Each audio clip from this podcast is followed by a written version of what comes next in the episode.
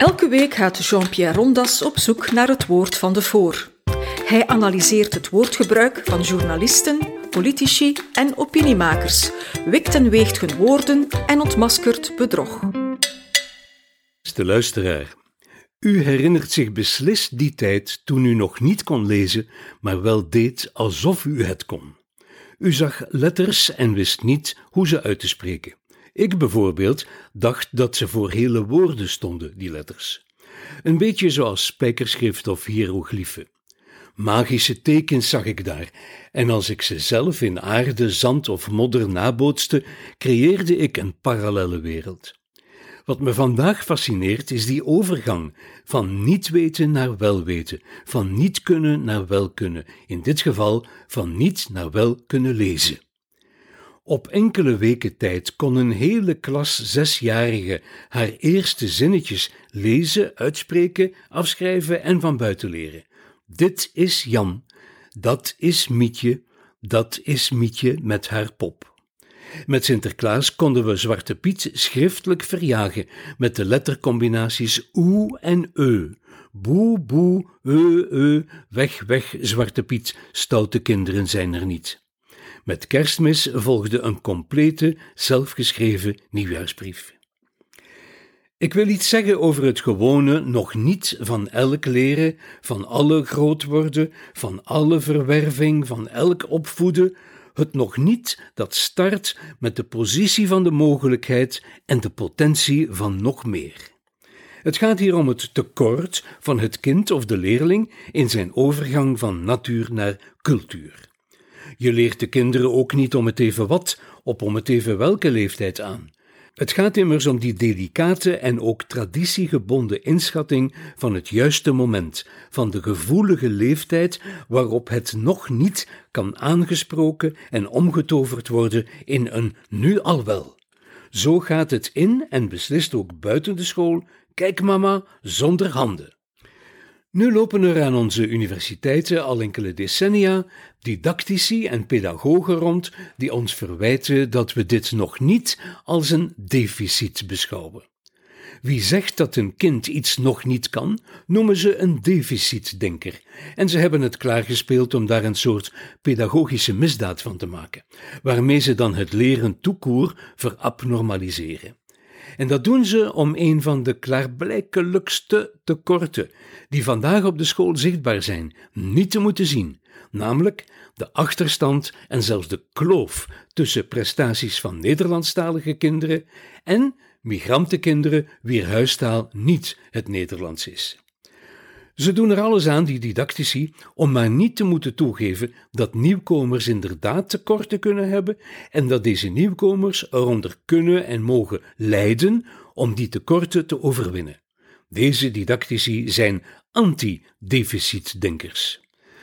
Ze zijn vooral tegen de notie van taalachterstand bij nieuwkomers. Die bestaat niet, want die mag er niet zijn. Taalachterstand constateren is voor deze didactici immers typisch deficitdenken. Taalachterstand is nu eenmaal de sterkst opvallende kloof van alle. Normale opvoeders, zogenaamde deficitdenkers, u en ik dus, zien dat taalachterstand een heleboel andere achterstanden genereert. Maar dit is onverdraaglijk voor de antideficitdenker. Dit gaat zo ver dat sommige sociolinguïsten voorgesteld hebben om nieuwkomers slechts dat niveau van Nederlands aan te leren dat ze later in een beroepsomgeving zouden nodig hebben. Dan heb je vanzelf geen kloven, dat moet de redenering zijn. Welnu, als deze antideficitdenkers eerlijk zijn, zullen ze moeten toegeven dat ze niet veel anders kunnen bedoelen dan laaggeschoold Nederlands voor laaggeschoolde beroepen. Ik weet niet wat u daarvan vindt, maar voor mij is dit een wraakroepende klassendeterminering van een pril kind dat alle kanten uit zou kunnen als het maar volop Nederlands zou leren. Een Nederlands taalbad voor kinderen die thuis alleen Arabisch horen en spreken, dat is volgens onze nieuwlichters een slecht idee. Dat stigmatiseert deze kinderen alleen maar en benadrukt hun anders zijn tegenover autochtone Vlaamse kinderen. Taalbaden bevestigen volgens hen de stereotypen over migrantenkinderen en belemmeren ze zodoende in hun ontwikkeling. Taalbaden leggen de nadruk op het feit dat migrantenkinderen de landstaal nog niet beheersen en dat werkt onderdrukkend. Het plan alleen al om ze het Nederlands op te dringen spruit volgens onze didactici voort uit die vervloekte Vlaams-nationalistische taalfixatie die in plaats van kansen gelijk te schakelen de migrantenkinderen nog eens kopje onder wil duwen. Volgens hen gaan deze kinderen dan vanzelf geloven dat witte talen superieur zijn aan zwarte talen, wat neerkomt op beschadiging van hun zelfbeeld, op discriminatie en, luister goed, taalracisme. Beste luisteraar, ik vind dit niet uit. Voorgaande woorden en zinnen komen uit de mond of de pen van levende Vlaamse pedagogen en didactici. Deze mannen en vrouwen zijn verantwoordelijk voor en leven van onophoudelijke onderwijshervormingen. Zij leiden weer andere pedagogen en jongere didactici op, die, als ze zelf in het onderwijs terechtkomen, door de vakleraars grondig gewantrouwd worden. Zij bepalen de onderwijslijn, zelfs tegen de onderwijsministers in, vooral als het over taal gaat. Velen onder hen zijn ideologiegestuurde taalkundigen die in termen van ras en klasse denken. Zij zijn geen taalspecialisten meer, maar eerder uitsluitingsspecialisten. Zij zien moedertaalopvoeding en moedertaalonderwijs als een bevoordeling van een reeds bevoordeelde klasse. Nadruk op taalgebruik past volgens hen in, ik citeer, het referentiekader van de autochtone middenklasse. Einde citaat. Ook de ouderbetrokkenheid sluit zich bij deze witte middenklasse aan, en toenmalige onderwijsminister Hilde Krivits kon erover meespreken. Toen moest er minder huiswerk gegeven worden, opdat blanke ouders minder gelegenheid zouden hebben hun kinderen naschools bij te scholen.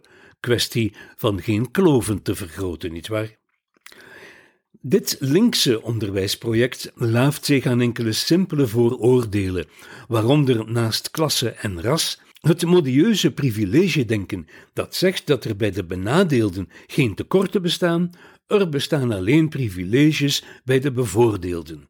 Het deficit van de ene is het privilege van de andere, waardoor een feitelijk vaststelbaar tekort van de allochtoon omgetoverd wordt tot een wederrechtelijk verworven voordeel van de autochtoon.